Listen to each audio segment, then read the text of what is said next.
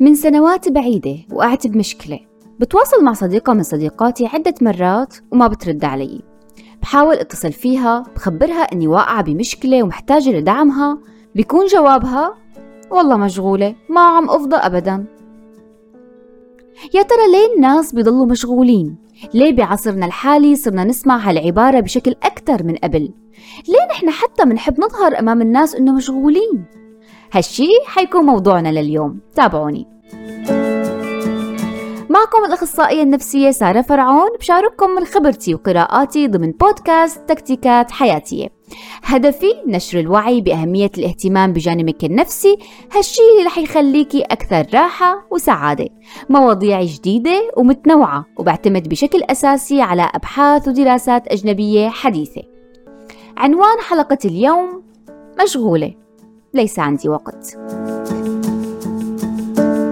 من فترة كنت عم اشتغل ببرنامج تطوعي بيجمع معلمين وطلاب أونلاين لدراسة وممارسة اللغة الإنجليزية. المعلمين المنضمين للبرنامج يفترض أنهم متطوعين يعني عندهم وقت فراغ إضافي لمساعدة الآخرين بهالموضوع. والطلاب هن كمان يفترض أنهم انضموا للبرنامج بناء على حاجة ملحة لتطوير مهاراتهم باللغة الإنجليزية. وظيفتي أنا أنه لما الطالب بيتوقف عن اللقاء مع المعلم المفروض أني أتواصل معه وأفهم السبب. العجيب بالموضوع أني صادفت عدد جيد من الطلاب والمعلمين. كان سبب عدم لقائهم هو أنه ببساطة ما عندي وقت. أنا شخص كتير مشغول. الفكرة إنه هالجواب كان عم يتكرر على مدار أسابيع مو مرة واحدة. وإنت يلي انضميت بإرادتك للبرنامج ليه انضميت وإنت بتعرف نفسك إنك مشغول؟ الناس تستمر بتكرار هالكلمة دائما. بس هل يا ترى بالفعل بتكون مشغولة؟ يلي بيستخدم هالعبارة بشكل متكرر ممكن يكون أحد النوعين. النوع الأول ممكن يكون فعلا مشغول. بتذكر بفترة تحضيري لمشروع التخرج ودراسة للامتحان بالإضافة للعمل كنت فعلا مشغولة بهديك الفترة. وكان إيجاد التوازن بين جميع هالأشياء وحياتي الشخصية وعائلتي أمر صعب جداً. بنمر بالحياة بكتير أيام صعبة بتخلينا فعلا شخص آخر ما عنده وقت إلا أنه يوازن بين المهام والواجبات اللي عليه. أما القسم الثاني؟ فهنا تبدأ الحكاية. الناس غالبا بيستخدموا كلمة مشغول كتعبير عن فخرهم بكونهم منجزين ومنتجين. فهم ناس ما عندهم وقت. ما عندهم وقت فراغ يقضوه بالشرود والصفنة مثل ما بنقول بالعامية السورية أو السرحان بالمصري. هم ناس جديين عندهم الوقت تمنه مصاري فلوس مثل ما مثل ما بتعرفوا المثل الأمريكي اللي بيقول time is money يعني الوقت هو المال. لكن بالواقع الانشغال الدائم لا يعني الإنجاز أبدا. يمكن ينشغل شخص ما بأداء مهمة ويستمر فيها خمس ساعات بينما شخص آخر ممكن ينهيها بساعتين. نقدر نقول عن الشخص الآخر شخص غير منجز؟ مع أنه سبحان الله عنده وقت فراغ. لكن الناس ما بتحب تعترف بأنه عندها وقت فراغ ولا أصلا بتحب يكون عندها وقت فراغ بتشعر بالخجل من هالشي لأنه ممكن يعطي هالشي انطباع عنها بأنها كسولة وغير فعالة بينما الشخص المشغول بيعطي انطباع بأنه شخص فعال ونشيط من وين بدأت هالفكرة؟ ليه بنحب نكون مشغولين ومن إمتى أصلا كان وقت الفراغ أمر غير ممتع؟ الجواب بيكمن بالضغط الاجتماعي. دائما بيتم الترويج على إنه الشخص المشغول دائما هو الشخص الأفضل. بنشوف بالمسلسلات والأفلام الام العاملة اللي بتلحق على بيتها وشغلها وبتعتني ببشرتها واظافيرها دائما مانيكور وبديكور وممكن كمان تلحق آه، تروح تشوف صديقاتها وبتحضر غدا لزوجها. وممكن بنهاية اليوم يطلعوا مشوار. عادي كله عادي. لدرجة ممكن تشعري إنه هالإنسانة عندها 24 ساعة ضوئية مو 24 ساعة بشرية. حاليا عم نصادف هالنماذج هي على ال social media. على الكاميرات الأمور كلها تمام يعني بالنسبة إلنا لكن خلف الكواليس الله أعلم شو في حسب موقع بي بي سي الشهير بتقول إحصائية إنه غالبية الأشخاص اللي بيكرروا كلمة أنا مشغول هن بالفعل أشخاص غير مشغولين.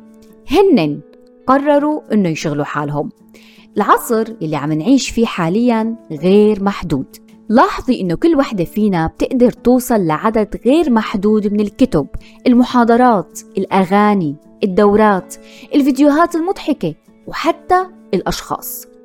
العيش بهذا العالم الغير محدود مع قدرات وطاقة محدودة لأنه نحن كبشر قدراتنا وطاقتنا محدودة عم يجعلنا مشغولين طول الوقت بتكوني صاحية الصبح وأنت عم تشربي قهوتك الصباحية بسرعة لتلحقي جامعتك أو شغلك أو حتى ترتيب بيتك. بتتصفحي وسائل التواصل بشكل سريع لتطلعي على أخبار العالم من حولك. شوي بتصادفي منشور لصديقتك اللي تزوجت ولصديقة تانية عم تحتفل بتأسيس عملها الخاص. وزميلة أخرى عم تفتخر بالانتهاء من دورة تدريبية قيمة. وممكن كمان يصادفك صورة إحدى قريباتك بصالة الرياضة أو الجيم بعد هالدفعة من الأخبار دماغك حيتعرض لضغط اجتماعي رهيب كل هالأشياء بتحصل طبعا على المستوى اللاواعي يعني حتصيري تفكري بشكل لاواعي يا ترى أنا إمتى آخر مرة لعبت رياضة؟ أو حضرت ورشة تدريبية؟ يا ليه ما أفتح عملي الخاص؟ هي الأفكار كلها كفيلة تخليكي مشغولة شهر كامل إذا مو أكتر. ما بالك وانت عم تتلقي يوميا كم هائل من هالأفكار والمدخلات؟ ممكن على فكرة يكون وزنك مثالي وصحتك كويسة وروتينك بيحتوي على كتير أشياء حلوة وبيحتوي على مشي وعلى حركة يعني رياضة من دون جيم. لكن الضغط الاجتماعي بيخلق عندك فكرة إنه لازم أبدأ أروح على الجيم. وممكن كمان تكوني لسه طالبة أو موظفة ووقتك ما بيسمح لحضور أي دورة تدريبية. والمهارات اللي عم تكتسبيها من جامعتك أو شغلك هي كافية حاليا وما في أي حاجة لأي ضغط دورة أو ورشات. لكن مرة أخرى ضغط الجماعة والمحيط ممكن يخلق عندك الحاجة للشعور بالفخر بإنهاء تدريب من نوع معين. هالحديث ذكرني بحالة طلبت مني استشارة من فترة. صبية تخرجت حديثا من الجامعة. هاي الصبية بعد ما تخرجت بدأت تدور على شغل مثل أي صبية بتتخرج من الجامعة. دورت دورت بحثت كتير بحثت لكن للأسف ما لقيت شغل. شافت صديقاتها شو عم يساووا بعد التخرج. لقيتهم صديقاتها عم يعملوا أو عم يقدموا على دراسة ماجستير. فقالت أوكي يلا ليش ما أعمل ماجستير؟ راحت قدمت عملت مسابقة وقدمت ورقها وكل شيء وكل الأمور تمام وبدها تبدأ بدراسة الماجستير. بدأت بدراسة الماجستير وبدأت بحضور المحاضرات وبدأت بالتحضيرات لكن شعرت إنها هي ما سعيدة ما مبسوطة وما عم تستفيد أصلا من هالدراسة. وهالشي خلاها تعيسة وما سعيدة بدراستها وحتى أصلا فقدت الطاقة إنها تكمل بالماجستير. وقفت هي هون حيرانة وما عرفانة شو تساوي فطلبت استشارة مني خبرتها انت لما فتي على الماجستير لما دخلتي على الماجستير شو كان هدفك؟ صفنت هيك شوي فكرت بالسؤال قالت لي ما بعرف بس أنا لما شفت صاحباتي كلهم عم يفوتوا ماجستير عم يعملوا ماجستير فقلت يلا لا أدخل ماجستير لا أقدم ماجستير فسألتها أنت هلأ شو بدك؟ شو الشي اللي بترغبي فيه؟ قالت لي أنا كتير نفسي لاقي شغل قلت لها طيب كتير حلو هالماجستير اللي عم تعمليه حيساعدك بهذا الهدف؟ حيساعدك إنك تلاقي شغل؟ قالت لي لا قلت طيب لكن ليش عم تعملي؟ سكتت هي اختارت تعمل ماجستير كبديل كبديل لما ما لقيت وظيفة فهي بدها تشغل حالها بشيء فلقيت تش... لقيت يعني أفضل شيء إنه تشغل حالها إنها تعمل ماجستير. طيب قلت لها شو الشيء اللي ممكن تعمليه لحتى يقربك من هذا الهدف؟ يقربك من هدفك الحصول على وظيفة. صفنت هيك شوي قالت لي ممكن سجل بدورات سجل بدورات لحتى تقويني تقوي السي في وهيك بيكون عندي فرصة أكبر إني لاقي وظيفة. قلت لها حلو كتير لقينا الحل. طبعا أكيد يعني مو بثواني أو بدقائق لقينا الحل بعد حكي بعد جلسات آه بعد ما فهمتها أكثر وعرفت هي شو عم تفكر وشو الوضع اللي هي فيه. قدرنا نوصل لحل سوا. تركت الماجستير وبدأت بعمل دورات بتخص مجالها وهالشي كتير قواها بمجالها. وبعد فترة لقيت وظيفة بأضخم شركة بالبلد اللي هي ساكنة فيها. فانتبهي إن تشغلي حالك من دون هدف واضح لأنه ما رح توصلي لنتيجة أبداً. عالميا أيسلندا من أقل الشعوب انشغالا. الشعب بيشتغل أربعة أيام بالأسبوع فقط. هالشي لاحظوا إنعكاسه بشكل إيجابي على الصحة النفسية. التوازن بين العمل والحياة وحتى الإنتاجية. الانشغال الزائد بيشتت ما بيساعد على الإنتاجية. صعب تكوني منتجة وإنت في ألف مهمة براسك. التركيز على شيء محدد وبذل وقتنا وجهدنا له هو اللي بيساعدنا على الإنتاج والإبداع. بينما من أكثر الشعوب بعدد ساعات العمل هي المكسيك كوستاريكا وكوريا الجنوبية. في مفارقة عجيبة جدا هون لقيتها ولفتتني بشكل كبير كأخصائية نفسية. المكسيك وكوريا بيتصنفوا عالميا كأكثر بلدان بعدد ساعات العمل لكن الإحصائيات بتقول أنه معدل السعادة مرتفع جدا بالمكسيك وبمنطقة اسمها نيفو ليون صنفت بعام 2019 كأسعد مكان بأمريكا اللاتينية. بينما إذا بدنا نحكي على كوريا يلي كمان معدل ساعات عمل الفرد مرتفعة الإحصائيات بتقول إنه هي رابع دولة بالعالم من حيث ارتفاع معدلات الانتحار حسب موقع World Population Review المتعلق بالإحصائيات المتعلقة بالسكان. يا ترى شو السبب؟ الكوريين بقدسوا العمل والمجتمع بكوريا بيمارس ضغط اجتماعي رهيب على أفراده بما يخص الدراسة العمل والبطالة. يعني بين قوسين بحفز الناس على أنه يكونوا مشغولين. بينما بالمكسيك صح عدد ساعات العمل مرتفعة عندهم لكن المجتمع عندهم ما بيحمل الفرد فوق طاقته ما بيمارس أي ضغط اجتماعي بخصوص العمل والإنتاجية تجاه الفرد بل بالعكس. وجدوا أنه سر سعادة المجتمع المكسيكي هو الترابط الأسري الارتباط بالدين أو التدين وتفضيل الناس للتفاعل الاجتماعي. آه لطالما سحرتنا الدراما الكورية ومستوى المعيشة والرفاهية اللي عايشين فيها بالإضافة لطبيعتها الخلابة وجوها البديع يلي كتير بيساهم بالصحة النفسية. بصراحة خيبت لي ظني كوريا لكن بيقولوا الإحصائيات لا تكذب. طب لحظة شوي وين راحت اليابان؟ كتير انتشرت فيديوهات إنه الناس بتنام بالشارع وبالقطارات من التعب وإرهاق العمل. وكمان كتير سمعنا إنه عندهم كلمة بتعبر عن الموت بسبب كثرة العمل واللي هي كاروتشي ليه معدلات الانتحار مالها مرتفعة فيها؟ معدلات الانتحار ما زالت مرتفعة باليابان لكن نزلت من التوب 10 بسبب جهود الدولة بالتوعية بأهمية الاعتناء بالصحة النفسية المفارقة العجيبة الأخرى اللي صادفتني وأنا عم أبحث عن معدلات الانتحار حول العالم وجدت أنه سوريا الدولة رقم سبعة بأقل معدلات الانتحار حول العالم. رغم الحرب الأزمات الاقتصادية الغلاء وصعوبة المعيشة هالشي ما بيعني إنه الشعب السوري بصحة نفسية عالية لكن على الأقل هالشي ما خلاه يفكر بإنهاء حياته. يمكن يكون السبب نفس السبب يلي خلى المكسيكيين سعداء ببلد فيها كتير مشاكل وفقر وهي تقدير الأسرة والتفاعل الاجتماعي والأهم هو الإيمان بالله والرادع الديني.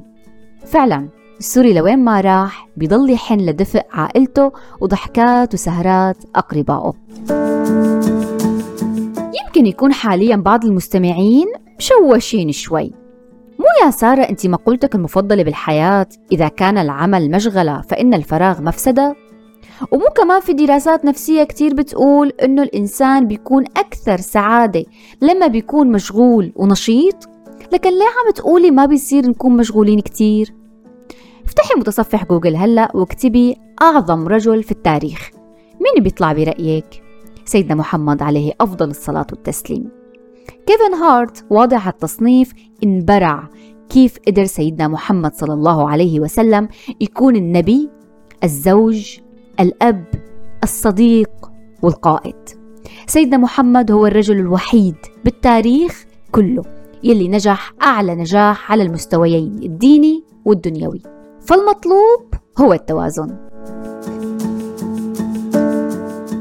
بكتاب بيزي How to Thrive in a World of Too Much لتوني كراب المتخصص بعلم النفس المهني أو كيف تنجح في عالم مليء بالكثير. في مثال كتير رائع ذكره بهذا الكتاب عن هذا الموضوع. قال لما بنكون ببوفيه منختار كتير أصناف ومنعبي الصحن ويلا اشتهيت يلنجي يلا اشتهيت تبولة يلا لدوق من هالمعجنات. بس بعد ما نبدأ بالأكل بنلاحظ إنه يلي قدرنا ناكله ما بيساوي تقريبا ربع الطبق يلي ملأناه بالطعام. ونفس الشيء لما بنعبي برنامجنا بكتير نشاطات هي بالواقع أكثر من وقتنا وجهدنا وطاقتنا. لهيك اختاري دائما الأشياء المهمة بالنسبة إلك. ما فينا نقرأ كل المقالات المكتوبة للأسف ولا نشوف كل الفيديوهات ولا المحاضرات المسجلة أو نبدع بكل العلوم الموجودة. دائما بقول بدورة أين أنا يلي بحكي فيها عن كيف تنظمي حياتك وتعرفي تختاري أهدافك صح؟ ومن وين المفروض تبدأي ومن أي مجال؟ بحكي إنه أهم شيء إنك تعملي أشياء بتهمك وتكوني متوازنة بكل جوانب حياتك.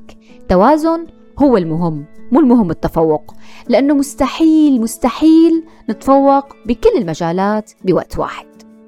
فكوني مشغولة بمعنى مو مشغولة لإبهار الآخرين.